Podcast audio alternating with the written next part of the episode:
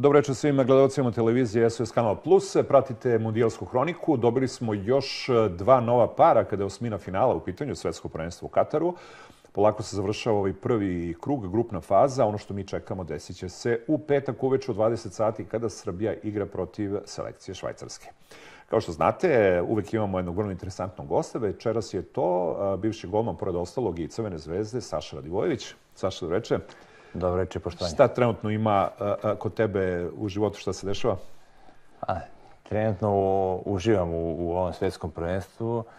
E, mogu vam reći, nikad više utakmica, nikad lepših utakmica za, za gledati, tako da, što bi rekli e, stari futbalski ovaj, sladokusci, u, prosto uživanje gledati ovo svetsko prvenstvo. Jeste, stvarno je zanimljivo, ima dosta zanimljivih utakmica.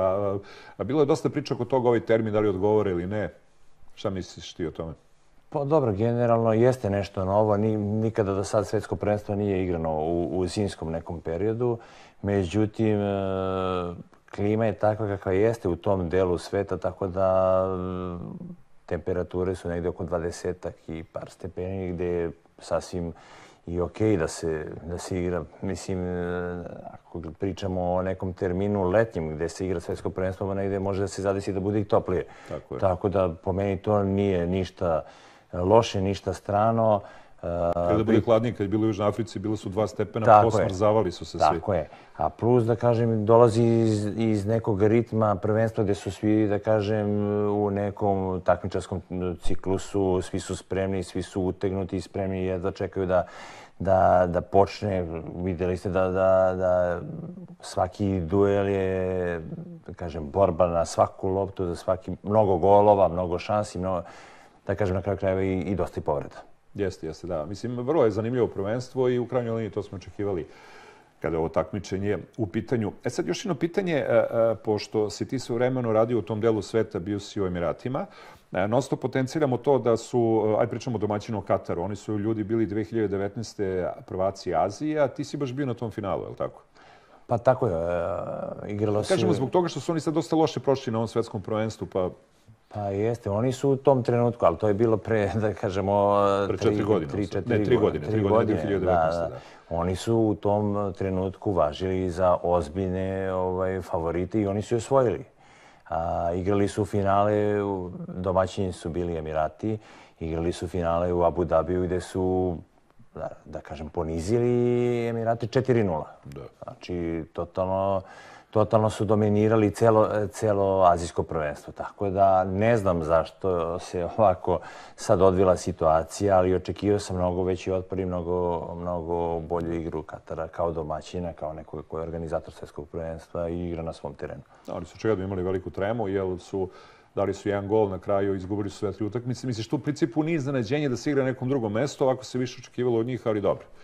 Više mi je zanimljiva priča zbog toga što su oni ljudi bili azijski prvaci, a pored svih ovih e, mnogo ozbiljnih selekcija, tipa, ne znam, Japan, Južna Koreja, Arabija i tako dalje i tako dalje. Ali desilo se, je tako? Pa, tako je. Više sam očekivao. Očekivao sam ono standardno da domaćin svetskog prvenstva prođe bar taj, yes. da je kažemo... Prvi, A i mogli su grupa im je bila, nije laka, ali ono... Pa dobro, ne, nisu mogli bolje da izaberu. Tako je. Da. Ili da im izaberu. Da. da. Nebitno. U svakom slučaju, dakle, e, kao što znate, to ste već videli kroz emisije koje radimo, e, reporteri Meridiana se nalaze u Kataru i da čujemo sada najavu e, naše kolege Ognjena Radivojevića kada je reprezentacija Srbije u pitanju i naravno njihov duel sa Švajcarskom.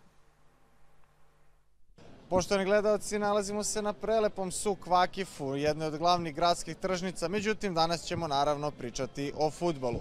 Ono što definitivno najviše zanima naše navijače je situacija u taboru e, reprezentacije Srbije. Kolega Aco, vi ste bili juče na konferenciji Tako i kakvi su utisci? Pa djeluje mi kao da je sve u redu, vlada pozitivna atmosfera. E, na konferenciju su učestvovali Dušan Tadić i Sergij Milinković-Savić i djeluje kao da je sve u redu. Takođe, posle toga sam pristupovao i delu treninga, imali smo, mi novinari imamo pristup jednom 15-minutnom delu treninga, gde smo gde deluje sve isto da je pozitivna atmosfera. Videli smo puno atraktivnih golova, igrali su, podelili su se, ono, igrali su mali futbal na pola terena, tako da stvarno sve deluje kao da je sve u redu. Mislim, nadam se da, da je tako. Možda treba ostaviti u nekim trenucima malo i dramu po strani, malo i te kuloarske i čaršijske priče i fokusirati se na teren, jer zaista četiri godine čekamo na priliku da se u sportskom smislu osvetimo Švajcarskoj na porazu koji je takođe bio pre četiri godine na svetskom prvenstvu u Rusiji. Konačno imamo tu priliku da nam je neko pre ovog prvenstva, kao što je i rekao uh, Dušan Tadić, ponudio da u posljednjoj utakmici proti Švajcarske direktno pobedom odlučujemo o plasmanu dalje. Verujem da bismo svi oberučke prihvatili. Izolacija, karantin, priprema, potpuni fokus na tu utakmicu, to je ono što nas zanima, to je ono što mi želimo i kao novinari, i, a verujem i svi navijači u Srbiji, a i navijači koji su ovde u Kataru.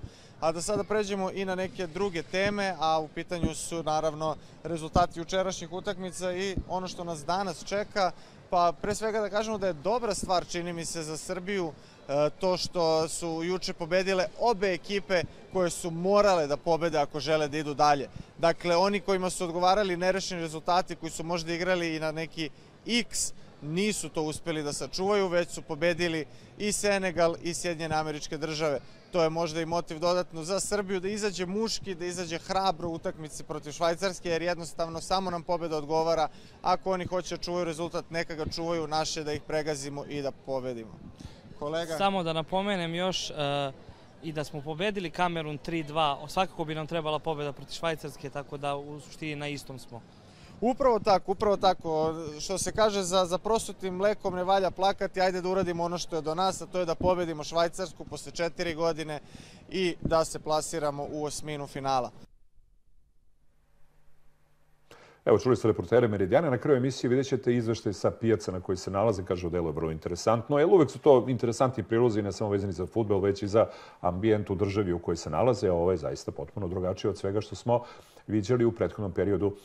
Dakle, e, Srbija je e, u prvu utakmicu izgubila, drugo je igrala nerešeno. Kakav je tvoj komentar e, igara naše prezentacije? Da li si to očekivao? Da li si možda razočaran i misliš da je to to? Pa dobro, generalno sad posle posle utakmice. Lako je sada da, da mi ovaj, sa ove strane gledamo i da donosimo neki svoj sud i da smo mi sad kao najpametniji. Pa dobro, ali nema razloga da ne kažemo svoje mišljenje. Ne, ovaj. naravno, ali ono što je očigledno i što su rekli sad kolege iz Meridijana, nama je ostala ta, ta utakmica biti ili ne biti, da li ćemo mi proći grupu ili nećemo. Šta se desilo u ove prve dve utakmice, totalno je nebitno. Sada da. Pa i, i, i pre toga, evo, pošto je i sam spomenuo izjavu e, kapitena Tadića da bi oberučki prihvatio da posljednje kolo rešavamo u grupi utakmicom protiv Švajcarske, da li ćemo ići dalje ili nećemo, samo to govori o nekim, o nekim našim ovaj, idejama šta mi želimo u stvari da ostavimo. Sa jednom pobedom rešavamo mnogo toga i idemo i pravimo istorijski uspeh koji nikada kao Srbija nismo i ostvarili, da prođemo grupu. Tako je. Tako da nama se sve to lepo namestilo da da li smo igrali dobro protiv Brazila ili nismo, da li smo vodili protiv, e, protiv e, Kameruna. Kameruna ili nismo. Totalno je nebitno, jedna utakmica rešava sve. I tu faktički počinje prvo ispadanje. Da. Ili prolazimo dalje ili ispadamo. Da li si e, optimista kada je u pitanju duel sa Švajcarskom imajući u vidu ono što su naši igrači pružili u prvo dva meča? To ne mora ništa da znači da smo bili na primjeru Argentine. Argentina, recimo, treću utakmicu koju odigrala, odigrala najbolje. Mislim, nije sad pojent u tome što tu Messi i tako dalje.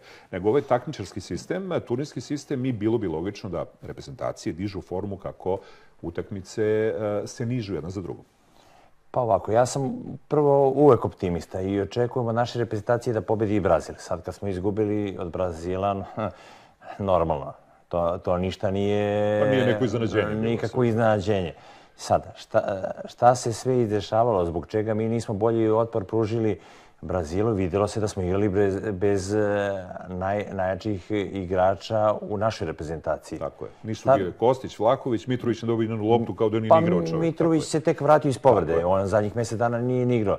Tako da i Mitrović je pokazao sada neki, ne neki, veliki pomak u, u svojoj nekoj, da kažemo, i fizičkoj spremi i, i kako se on osjeća. Nije još 100% taj Mitrović, Naravno. ali, ali se vraća.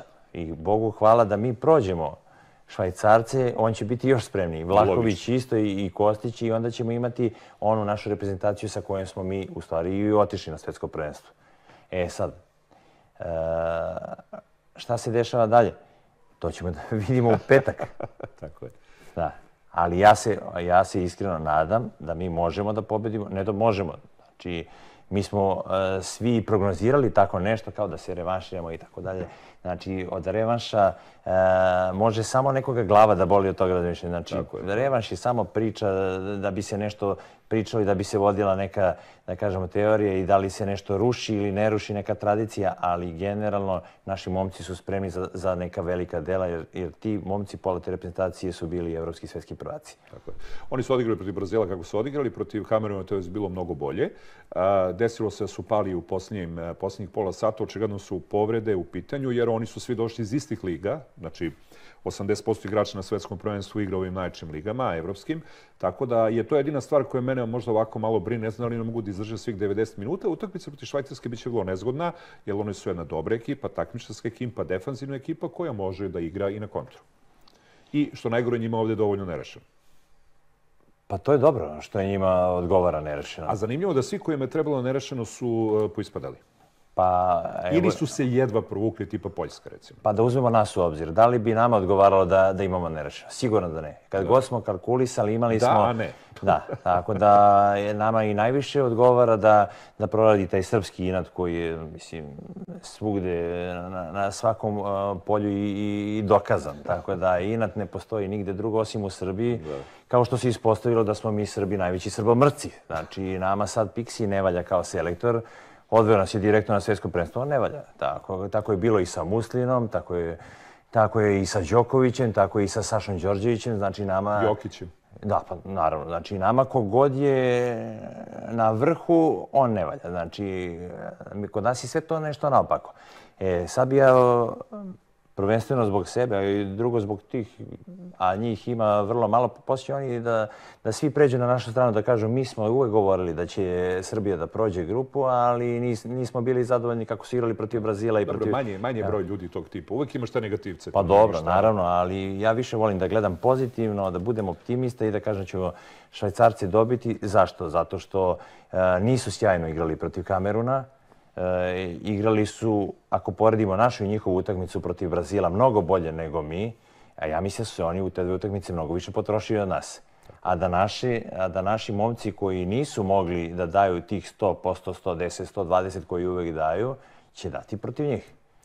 Pa očekujemo to svi. Mislim, to je normalno tako. Igraš tu poslednju utakmicu, treba da dobiješ, pa izvolite pokaže kvalitet i tako dalje. Ali u svakom slučaju biće vrlo interesantno. Nego danas odigne utakmice a, grupa C i D i dobili smo, a, dobili smo i nove parove osmine finala, pa ide prvo da se podsjetimo rezultata pa da kažemo nekoliko reči o tim mečevima. Odigrani su i svi mečevi u okviru grupe D na svetskom prvenstvu u Kataru. Tunis, Francuska 1-0. Francuska je praktično igrala sa rezervnim timom, ali je to iskoristio Hazri. Doneo je Tunisu lepu pobedu koju nažalost ne znači ništa, pošto su treći u grupi. Australija, Danska 1-0. Lek je dao jedini gol za Australiju. Danska je razočarovala na ovom svetskom prvenstvu imajući vidu da imala sjajnu, sjajnu seriju pre dolaska na ovo veliko takmičenje.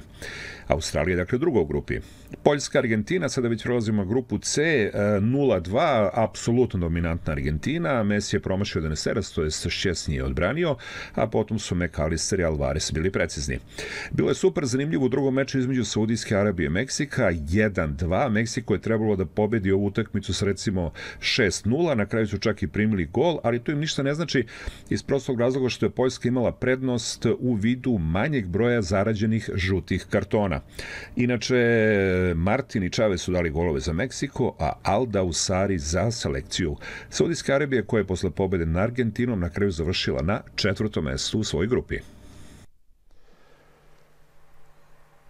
Sve vreme bila je zanimljiva situacija vezano za utakmicu između, to jeste duel između Poljske s jedne strane i Meksika. U onom trenutku, i to je dosta dugo bilo, bilo je 2-2 u gol razlici. U tom trenutku bi odlučivala ova stvar vezana za žute kartone, pošto za razliku od UEFA koja gleda međusobni skor, ko je pobedio, ta ekipa ima prednost. Kod FIFA je drugačija situacija, gledaju, gleda se gol razlika, gledaju se golovi koji su postignuti, ako je sve to isto, onda odlučuje fair play ili broj žutih kartona. Međutim, ovdje to nije bilo bitno iz prostog razloga što je na kraju Poljska imala gol razliku 2-2, a Meksiko 2-3.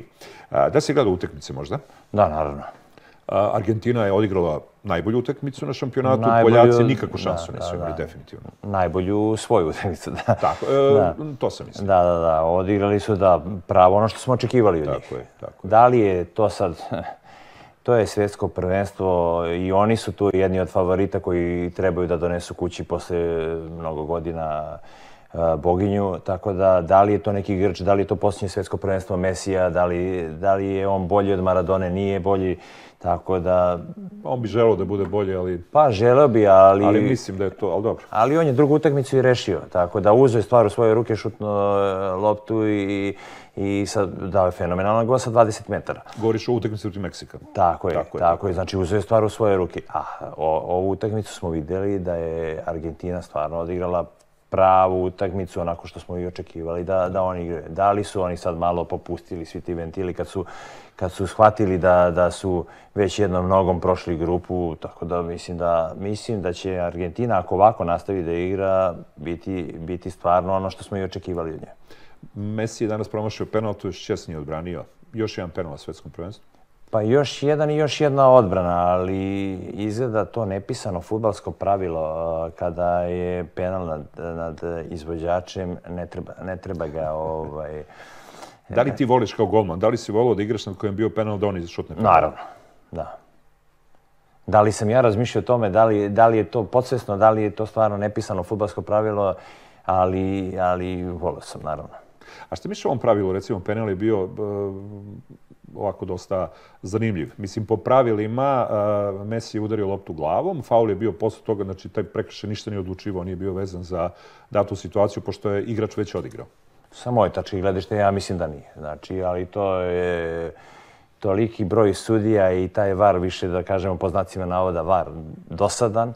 Da. Oni su doneli odluku da jeste, ali ako su odlučili da je penal, penal i nema šta. Kao što da li su odlučili za offside protiv e, protiv kameru na dalje offset za, za rukav, za milimetar, za centimetar, to koliko je VAR dobro donao, toliko je donao i loše. Tako da... Danas je recimo Meksiko. Meksiko se za, oni su uh, trebali da dobiju pa jedno šest razlike sigurno sa Udijsku Arabiju. Ne znam koliko su ljudi mogli da prati jednu drugu utakmicu. Imali su puno šanse, poslili su dva gola u drugom polovremenu. Poništena su im dva gola zbog offset. Jedan je bio bukvalno uh, ono, 3 cm, uh, ali na kraju su pali i onda je Saudijska Arabija uspela smanji na 2-1. Međutim, i da nisu primili gol, opet ne bi prošli zbog tih čuvenih žutih kartona. Pa znači, Saudijska Arabija ima najveću vajdu od ovog vara. Oni su tako prošli i protiv Argentine. Argentini da. poništeno tri. Tri gola, ne da, Sad Meksiku dva, tako da ovaj, najveći profit su mogli oni da izvuku. Da su još neki go postigli, možda su mogli da prođu posle toliko poništenih golova. Da su možda ranije dali, smanjili na 2-1, pošto je Meksiko pao, čak je postala varijanta da izjednače, ali u, toj varijanti ne bi prošli da su imali slabiju gol razliku. Ali baš je bila zanimljiva ova grupa, potpuno neverovatna. Saudijska Arabija pravo ni otkuda. Odlična, odlična grupa, tačno Saudijska Arabija me baš iznenadila prijatno. Da. Tako da... E, Argentina je krenula sad kako Poljaci su sad za mene ostavili nekako taj malo Oni ništa našto nisu odigrali. Oni su prvo utakmicu Meksika je bila zaista grozna. Onda su dobili ovako na foru, rekao bih, Saudijska Arabija 2-0 i tu je Štjesni odbranio penal. I ja večeras nisu ljudi imali šanse da priđu golu. Možda od svih ekipa reprezentacija koje su se plasirale e, u sljedeći krug, Poljska u ovom trenutku najlošije izgleda. Tako e sad, šta će biti kada krenu utakmice eliminacije, to ćemo To ćemo tek da vidimo. Pa to je što stalno pričamo. Znači, ovo je bukvalno svi ovi zaključci koji izvodimo tiču se tog trenutka, ali već u sljedećoj utakmici može bude potpuno druga situacija. Ovo je takmičarski sistem, turnirski sistem traje dugo i prave ekipe se polako dižu. A, u onoj grupi drugoj, u grupi D, e, e, Francuska igrala praktično sa B tim, mislim B timom, sa igračima koji nisu starteri, izgubila 1-0 od Tunisa, dok je u drugom meču Australija ovako prilično lagano dobila Dansku. Pa da, više sam očekivao Danski, ako pričamo o, o toj utakmici. Oni su imali kvalifikacije fenomenalne, baš su igrali onako dobro. Mislim, meni se ne sviđa taj njihov futbol uopšte, pa dobro, ali daje efekat. Daje... Pa ali igrali su lepo, brzo. Danas ja nisam vidio protiv Australije ništa. Ni, ni, ni Ni Australija... jednu utakmicu, Da. uključujući ovo danas. Pa dobro, uz, da Mislim, uzmemo... govorim o utakmici danske. Da uzmemo u obzir da im je danas trebala pobeda. Tako je. Oni uopšte nisu prikazali ništa osim onoga što smo i malo pregovorili sa tim nekim dugim loptama na neku drugu stativu gde, gde su bili provaljeni. Oni su, ja mislim da ih je Australija dobro skautirala i da je ostavila tog igrača samog jer nemoguće sa, sa te pozicije da ih, da ih ugrozi. A dok je Francuska odmarala, što je i logično, najbolje igrače, kako su primili go, tako su bacili sve svoje motore, naj, najbrže, najjače, ali pokazalo se da nije dovoljno pola sata Francuskoj da pobedi, ako je pod moranjem. Pa to, to je čuvena priča. Igrao si futbol, naravno. Znači, e, e, ta, e, ta nagla promena, mislim nagla promena, ako igraš u jednom ritmu i recimo odlučiš se braniš i tog trenutka odlučiš da kreneš dalje, često to vrlo teško dolazi do izražaja i gotovo je, neću kažem da je nemoguće ostvariti, ali često te ekipe ne naprave to što žele.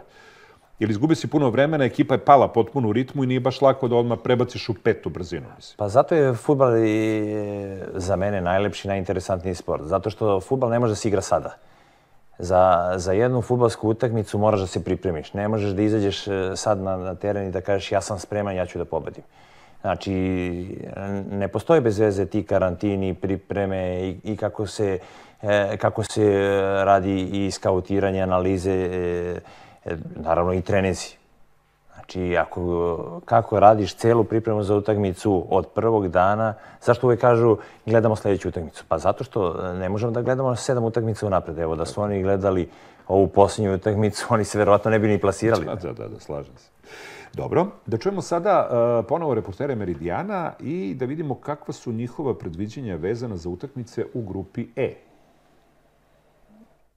Veliki pozdrav za SOS kanal. Uživo se uključujemo iz Dohe sa predikcijama posljednje kola grupne faze svetskog prvenstva. E, Kostarikanci su majstori defanzivnog futbala i sigurno im se neće ponoviti ni na ovom ni na nekom sledećem prvenstvu onakav debakl kao protiv Španije. A, Nemci to mogu da pobede, nije sporno, ali neće razbiti, neće neće poboljšati toliko svoju gol razliku da ih uopšte ne zanima šta će se desiti na drugim utakmicama, odnosno ako bude nerešeno eventualno u meču između Španije i Japana, da je njima potpuno svejedno jer će imati odličnu gol razliku. Ne mora da znači. Uh, ne bi me iznenadilo ni da kiksnu u toj utakmici, ali ipak dajem više šansi Nemačkoj. Uh, Španija, Japan, uh, Španija je definitivno jako puno pokazala na ovom svetskom prvenstvu, trebalo bi po svemu sudeći da tu utakmicu pobedi, ali Japan je pokazao da im leži uloga outsidera i da iz te perspektive mnogo bolje igraju nego kada su favoriti, kada moraju da pobede. Videćemo, ali mislim da u ovoj grupi nećemo gledati iznenađenja, da Nemačka i Španija idu dalje.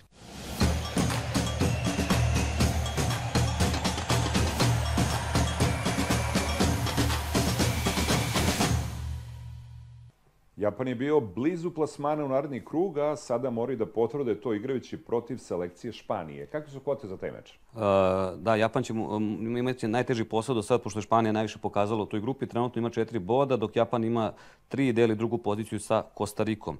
A što tiče kvota, Španija je izraziti favorit u ovom meču. Kvota je 1.40, dok je pobjeda Japana 8.20. Što tiče golova, očekuje se malo veći broj golova na ovom meču. Kvote za 3 plus 1.75.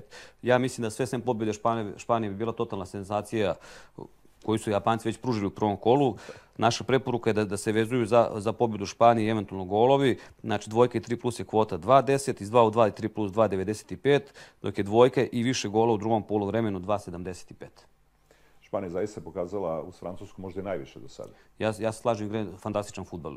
Ja mislim da su, i to se vidi po kvoti za osvajača, oni prilično, prilično pada njihova kvota, sad je čini mi se 7,5, da će, da će osvojiti prvenstvo. Dakle, bila je to najava utakmice između reprezentacije Japana i Španije.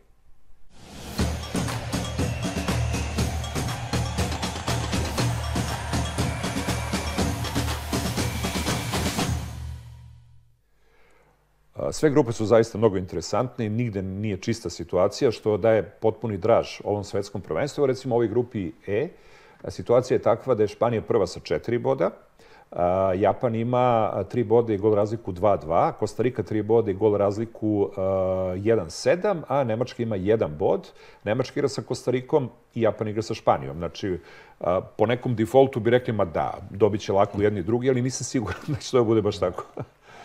Pa A možda i hoće sad kad se lomi, ne znam više, nisam...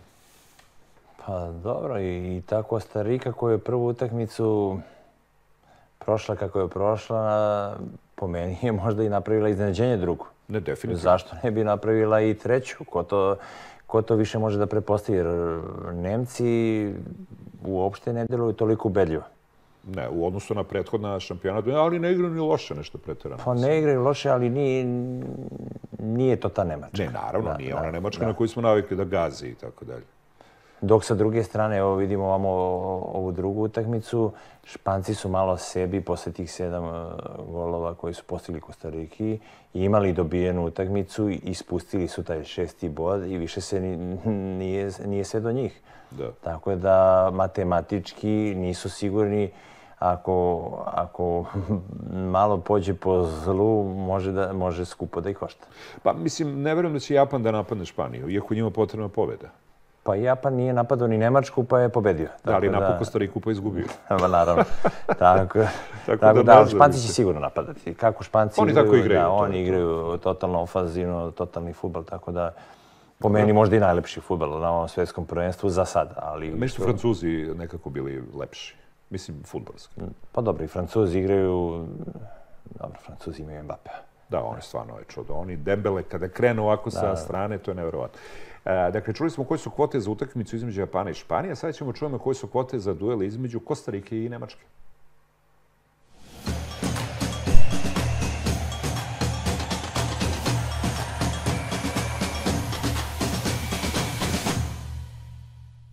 Nemačka se vratila u život činjenicom da igrala nerešeno sa Španijom. Kostarika je iznenađujuće pobedila Japan. Kostarika, Nemačka. Da li, nek, da li postoje bar minimum šansi za Kostariku?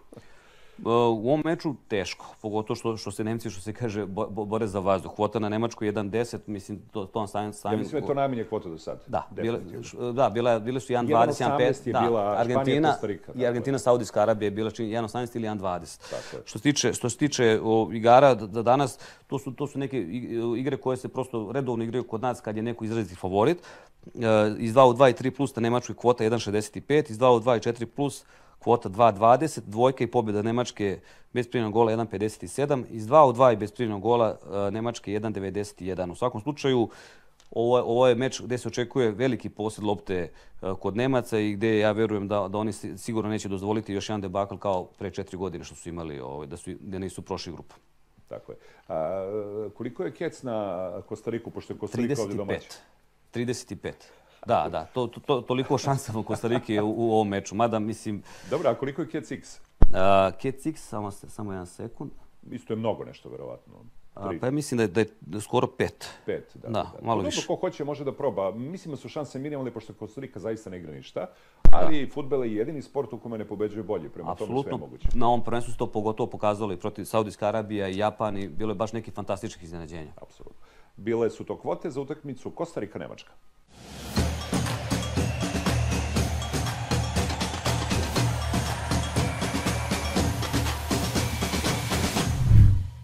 Pratite mundijalsku, eh, mundijal Kataru, mundijalsku hroniku ako želite na televiziji SOS Kanal Plus. Naš gost je Saša Radivojević i e, malo pre smo čuli eh, kolegi iz Katara, čućemo ih još jedan put, pozdrav njima naravno, i da čujemo šta oni misle o tome kakvi će biti mečevi grupi F, gde se sastaju Kanada-Maroko, to jest Belgija-Hrvatska. Veliki pozdrav za SOS kanal. Uživo se uključujemo iz Dohe sa predikcijama posljednje kola grupne faze svetskog prvenstva. Također uzbudljiva je grupa gdje se nalaze Hrvatska, Belgija, Kanada i Maroko. Kako su prognoze? Tu igra Hrvatska protiv Belgije. Ko pobedi bukvalno ide dalje od te dve reprezentacije, a druga je su Maroko koji je iznenadio na ovom svjetskom prvenstvu. Savladao je Belgiju, sad igra protiv Kanade koja nije se baš nešto proslavila protiv Hrvatske, ali je pokazala zube protiv Belgije. Kako su tvoje prognoze za Pa situacija je vrlo ne, nezgodna u toj grupi i zaista je veoma neizvesno. Belgiji definitivno treba pobeda protiv Hrvatske ako misle da idu dalje, ali kod njih kao da deluje, deluje kao da vlada neko rasulo i pravo je pitanje da li će uspeti da, da to prebrode i da pobede Hrvate koji su možda nakon slabijeg starta i, i pogotovo nakon što su primili rani gol protiv Kanade negde već bili otpisani. Ne, izdigli su se, pokazali su zašto su vice šampioni sveta tako da mislim da će odoleti. E, ne verujem da će pobediti, mislim da će e, povući ručnu i da će odigrati tu utakmicu na nerešeno, da će taj rezultat na kraju i dobiti i da će se plasirati dalje. E, Maroko me ne bi iznenadilo ni da izgubi od Kanade, jer trener Kanade i sama ta ekipa je prilično specifična, to je i ozbiljan nacionalni projekat s obzirom da će biti domaćini sledećeg svetskog prvenstva, to je ekipa u nastajanju, značilo bi im za samopouzdanje da nekoga pobede na ovom svetskom prvenstvu, odnosno da ne izgube baš sve tri utakmice. Tako da u toj utakmici, po meni najteža utakmica za prognozu, nisam siguran da će Maroko to vrlo lako pobediti, pogotovo ako nakon prvog polovremena bude nerešeno pa, pa, pa bude malo i pritisak sa tribina, jer afrički navijači su, su veoma strastveni, ali nisu baš najbolji poznavaoci futbala. Oni sada očekuju da će Maroko, ako je uspio da pobedi Belgiju, sigurno pobediti Kanadu. Može to i da im se obije o glavu, ali mislim na kraju da će ipak Hrvatska i Maroko zajedno proći u sledeću rundu, dok će Belgija biti prvo veliko iznenađenje šampionata koje će se pakovati i vraćati nazad.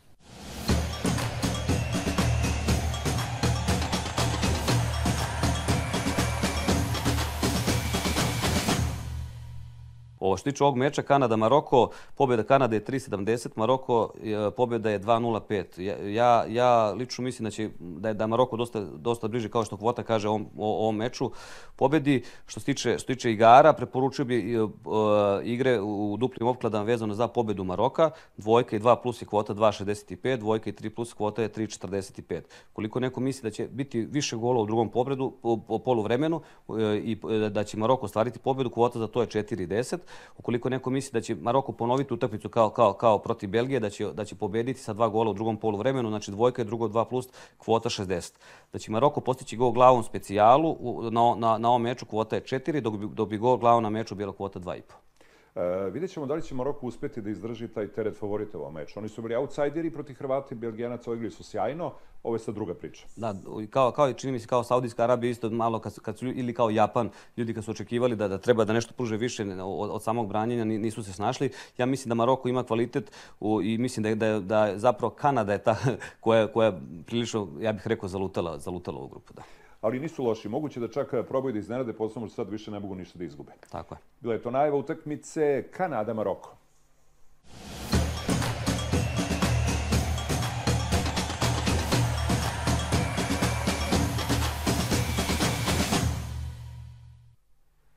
Još jedna grupa gde je situacija potpuno neizvesna, interesantna. Dakle, o tome ko će ići, ko će biti drugi ili ko će ići 100%. Dalje odlučuje susret između e, Belgije i Hrvatske. S druge strane, Kanada, Maroko. Maroko je stvarno odigrao dobro prva dva duela. Duši, Kanada nije odigrala loše, ali nisu uspeli da naprave neki dobar rezultat. Šta očekuješ u ovim mečevima? Dakle, Kanada, Maroko i Belgija, Hrvatska. Pa, Kanada je tu nekako, da kažem, u, najgoroj poziciji. Tako da Da, oni su već praktično ispali, pošto imaju pa jesu, nula boda. Ali, ali i te utakmice znaju da budu opasne. Ne, naravno. Tako da ne bih otpisao samim tim, pošto su došli na svjetsko prvenstvo, ali ne, ne očekujem, iskreno ne očekujem da ono što su prikazali da, da mogu nešto da, da, da naprave neko iznenađenje. Ali ovo će biti interesantno. Izvini, i Maroko ovde favorit, što nije bio protiv Belgije i protiv Hrvatske. Dakle, oni će morati malo drugačije da igraju. Tako je, tako je. A, pa ma, Maroko ima nešto, ovaj, imaju tu po, po meni možda da su i slični Ekvadoru, taj neki njihov eh, neki naboj, neko zajedništvo, oni tako na, na, na to dobijaju. Tako da. da ta neka pozitivna njihova energija je... I par dobrih igrača. Naravno. I par dobrih igrača, naravno, ali ta njihova pozitivna energija, je ta, eh, taj, da kažemo, kidač koji, koji njih drži. Tako je i tako dobro. A šta ćemo sa nesečnom Belgijom koja em što igra loše, em takođe ima neke grozne probleme, nešto slično kao što se priča u našoj selekciji? Pa... O čemu čak njihov selektor javno pričao i tako da. Pa ja sam iznenađen, očekivao sam mnogo više od Belgije. Da. Belgija je za mene stvarno važila za, za možda uz ove 3-4 najozbiljnije jedna, jedna reprezentacija koja je mogla da, da ih ugrosi. Sad, kako su prikazali u grupi, e, svojim igrama, mm, to nije dovoljno. Ali, s obzirom da jedna utakmica rešava sve... Da, sve moguće. Sve moguće. Vidjet ćemo, to će biti vrlo da. interesantno, pa da vidimo kakve su kvote Meridijana vezane za utakmicu između selekcija Belgije i Hrvatske.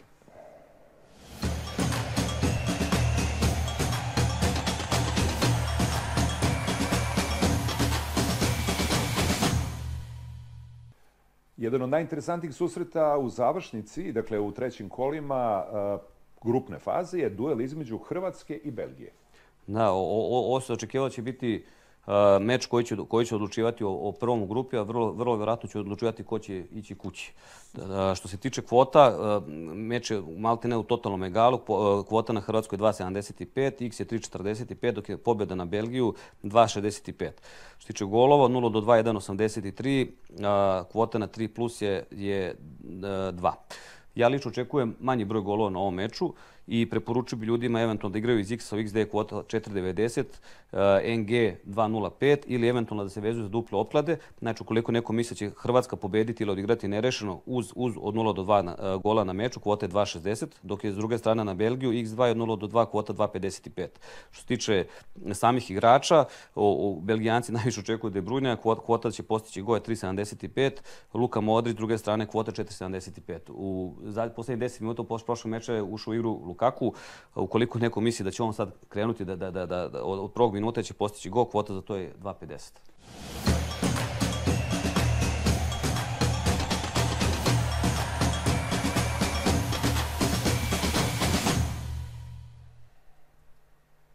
Kao i u svakoj emisiji, kolega Aleksandar Lokner ima nekoliko svojih minuta vezano za priče koje su vezane na svetsko prvenstvo. Večeras govori o špic igračima na svetskim prvenstvima. Poštovani gledalci jedine srpske sportske televizije, absolvirat ćemo i učinak špis napadača na svetskom prvenstvu. Ono što smo imali prilike da vidimo da su tamo izvaredni centar forovi kao što je naš Mitrović, Vlahović, Abu Bakar i neki drugi igrači koji ite kako mogu da tamo naprave probleme protivničkim odbranama. Inače, na svetskom prvenstvu igra se moderno sada, svi ulaze iz drugoga plana, mogu da budu strelci i vezni igrači, ali kažemo, ovi ljudi koji ipak imaju izvanrednu skok igru i glavo mogu da daju te golove. Oni su u žiži interesovanja jer se očekuju dobri centar šutevi na, naravno, u srce kaznenog prostora gdje će oni ipak sačekivati te centar šuteve. Što se tiče naše selekcije, mi to nismo imali protiv Brazila i platili smo naravno porazom, što ne znači da nećemo to popraviti protiv Kameruna i protiv ekipe Švajcarske. Inače, svoje vremeno naš jugoslovenski futbal imao je izvaredne golgetere u liku Moše Marijanovića, Josipa Bukala, Hasanagića iz Partizana,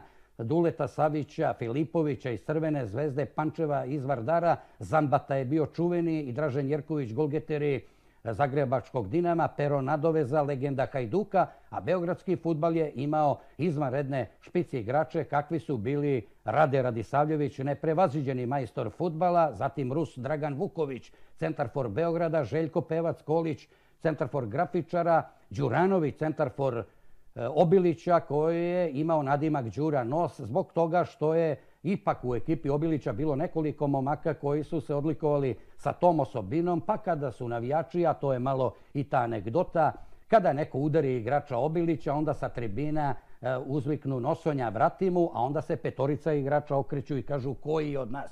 I onda je navijač ovaj rekao Slavko Đorđević, desni bek, inače tu je bio i Kreša Jovanović, bio je Aca Milošević, bili su zaista igrači koji su tada Obilić dizali iz godine u godinu iz ranga u rang. Međutim, ono što je odlikovalo Đuranovića, to je bio strašan udarac s glavom sa 17-18 metara kada je Đura udari, a to će se setiti ljubitelji futbala, to je kao da neki igrač šutira nogom. To isto važi i za centar forove koje smo pomenuli, jugoslovenskog futbala, koji su imali izvarednu igru glavom. Evo, čuli smo Lokija, ja sad ne znam u vreme današnje političke korektnosti, demokratije, bla, bla, bla, pravo ovih i onih, da bi ove prozivke mogli da prođu, a ili, ili bi sledile neke teško. tužbe. teško, jurili bi ga. Da, da, da, verovatno. Da. A, Ono što je posebno interesantno, e, danas su, naravno kao što redi običaj, pred svaku utakmicu, e, naši reprezentativci održali konferenciju za medije u našem taboru dole u Dohi i na konferenciji su bili Kostić i Vlaković. Imajući vidu na sve ono što se priča u poslednjih dana, Vlaković je bio na konferenciji što je jako dobro, jer često naše klubovi imaju običaj kada se tako dese neke priče da ko ćute, niko se ne pojavlja. Pa ne, najbolje da čovjek koji je recimo predmet nekih priča, lepo kaže šta ima i završeno. On je u svakom slučaju dečko rekao da sve to što se govori nema veze sa životom, rekao je da ljudi koji to pričaju su iskompleksirani, isfrustrirani i ljubomorni i tako dalje, tako da je on spreman za utakmicu Švajcarskom. Sad, vraćamo se na tu priču. Mislim, moramo pomenemo, jer je, nažalost, to uzelo maha posljednjih nekoliko dana. Da li tačno to nije tačno, više ne znam, nije ni bitno u krajnjoj liniji, ali nadamo se da neće izazvati neki negativan efekt kod igrača. Pa tako je. Mi odavde možemo samo da nagađamo šta se dešava, ali ajde da im verujemo. Svaka izjava selektora i igrača je bila ista. Tako da svi pričaju o lepoj atmosferi, da nema nikakvih problema, da je sve kako treba, osim tih povreda koje su se desile, na koje niko ne može da utiče. Znači, ajde da, da verujemo i da kažemo, e, ljudi, to je tako i nadamo se da je to prava istina i da ti momci će stvarno izgarati i da će napraviti taj rezultat koji mi željno očekujemo. Tako da ja mislim da i verujem da je, da je istina, ne, ne, nemam, nemam razloga da, da u nešto sumnjam sad da li neko, ali, ali videli ste šta se dešava i Borjano. Njemu ljudi šalju hiljade i hiljade poruka, to je otišao i, da kažem, i, mnogo dalje. Yes. Tako da... Tako da najbolje da im uzmu mobilne telefone uh, i na jedno tri dana ništa im neće faliti ako budu pa najbolje bi bilo, ali, dana... za njih sam. ali u današnje vreme to ne može pa, i to je neizvodljivo. Ali e, ti ratovi koji se bave, e, koji nema veze sa futbalom, su sve, sve gori i gori, sve crnje i crnje. Znači, ljudi su u stanju da, da naprave samo neku varnicu da bi, da bi pokvarili nešto. A ako je ovo prava istina, znači, ja mislim da samo može da ih ojača iz svega toga, jer su shvatili da, da pokušavaju da ugroze e, i pojedinca, a samim tim i celu grupu. Tako da, ako su pravi momci, ako je to stvarno tako, izaći iz toga ja verujem, još jači i, i da, će, da će nas usrećiti u petak. Dobro. Ali pre petka, e, da se podsjetimo još jedan put e, e, rezultata utakmica u grupama C i D, da vidimo ko s kim igra u osmini finala, imamo sad već četiri para, i da vidimo, to je čujemo ko sve igra 1. decembra na svetskom prvenstvu u Kataru. Dakle, da vidimo konačnu situaciju u grupi C. Argentina, Saudijska Arabija 1-2, Meksiko, Poljska 0-0. Poljska, Saudijska Arabija 2-0 i Argentina, Meksiko 2-0 i Poljska, Argentina 0-2 i Saudijska Arabija, Meksiko 1-2. Argentina je prva sa šest bodova, Drugo mesto zauzela je Poljska koja ima četiri boda kao i Meksiko, međutim Poljska ima gol razliku 2-2, a Meksiko 2-3. Posljednje je Saudijska Arabija koja je sakupila tri boda. Situacija u grupi D, posle odigranih e, šest utakmica. Danska Tunis, podsjećam, bilo je 0-0, Francuska Australija 4-1. Tunis Australija 0-1, Francuska Danska 2-1 i Tunis Francuska 1-0 i Australija Danska 1-0. Dakle, Francuska je prva sa šest bodova, koliko ima i drugoplasirana Australija, međutim Francuska ima bolju gol razliku. Te dve ekipe idu u osminu finala. Tunis je treći sa četiri boda, a Danska je posljednja sa samo jednim bodom već znamo polovinu timova koji će se takmičiti u osmini finala svetskog prvenstva u Kataru. Dakle, 3. decembra sastavi se Holandija SAD od 16 sati i Argentina Australija od 20 sati. 4. decembra Francuska dočekuje Poljsku od 16 sati, a od 20 sati sastaju se Engleska i Senegal. 1. decembra igraju se utakmice u okviru grupa F i E. Grupa F od 16 sati. Hrvatska dočekuje Belgiju. Hrvatska ima bod više odnosu na Belgiju. Belgija mora da pobedi ako hoće da ide dalje. Drugi susret je Kanada-Maroko. Maroko ima sjajnu priliku da se plasira u naredni krug takmičenja, konkretno u osminu finala. Od 20 sati također vrlo zanimljivi mečevi. Japan dočekuje Španiju, to jest Kosta Rika Nemačku. Nemačka je izgubila prvi susret, ali ima realnu šansu da prođe dalje. Vidjet ćemo da li će nešto više uspeti da ostvari selekcija Japana. Ono što nas najviše zanima, naravno, petak uveče 20 sati Srbija igra protiv Švajcarske utakmicu koju mora da dobije ukoliko želi da nastavi takmičenje na svetskom prvenstvu. Naš e, gost u emisiji bio je Saša Radivojević. Za kraj, to je prognoza tog meča. Pa, prognoza počeo da je, da je, da kažemo, petak, je li tako, Just. 20 časova posljednji radni dan, ljudi idu kući e, posle naporne nedelje. Dolazi vikend. Dolazi vikend, lepa utakmica, zastave na, na, na terase, na prozore, svi ispred TV ekrana i da neku pozitivnu energiju uspemo da pošaljemo malo ovim momcima koji nas predstavljaju na, na ovako jednom velikom e, dešavanju. Iskreno se nadam pobedi, prolazu i sve boljim i boljim igrama u nastavku da, da, da i mi pravimo, da kažemo, neka iznenađenja, pošto vidim da nas svi malo po malo otpisuju. Tako da i sve u našim rukama, jedna pobeda, sve se ovo iza zaboravi. Da li je bilo dobro, da li je bilo loše, koga to zanima, piše se samo rezultat. Ono što je najbitnije kada su najave ove utakmice u pitanju je to da prema onome što sada znamo su praktično svi igrači spremni da igraju. Sad ne znam u kojoj meri, ali i Mitrović, i Vlahović, i Kostić, i Pavlović. Pa s obzirom da smo dobili informaciju posle Brazila jasniju, jer je selektor Pixi objasnio da, da ne može pred medije da izađe i da kaže koliko, koliko igra, da, tako, koliko i, onda, onda, onda ne bi bilo smisla ni igrati, već, već, nas, već nas znaju, tako da mora, mora nešto da bude skriveno. I pošto, je, pošto sad imamo jasniju sliku, sve su spremni i spremni. Tako da može samo da nam bude bolje. Gore sigurno neće, a pošto smo najteže rivala prošli već u prvoj utakmici, ja se iskreno nadam da gledamo pozitivno i da navijamo svim srcem za, za naše momke i da svu pozitivnu energiju ponesemo na njih jer slušamo unazad koliko, koliko ima negativnih, koliko sve te stvari mogu da, da poremete kako pojedinca, tako i grupu, a totalno nam to ne treba. Tako da svim srcem u Srbiju i pobjeda protiv Švajcarske. Apsolutno, očekujemo svi to. Pričat ćemo naravno još uvek o tome. Do petka su ostale još dva cela dana, ali bit će zaista interesantno i dobro je da postoji taj neki naboj. U krajnjoj liniji to jeste glavna glavna karakteristika kada se igra svetsko prvenstvo, a kada vaša reprezentacija, to je naša, u ovom trenutku učestvuje. Hvala puno još jedan put našem gostu, Hvala vam. Saši Radivojeviću, a vi dalje ostanite naravno uz naš program i za kraj večerašnje emisije imaćete priliku da vidite još jedan put reportere Meridijana u akciji. Naime, obišli su a, Suk Vakiv pijacu. Pa da vidimo što ima zanimljivo.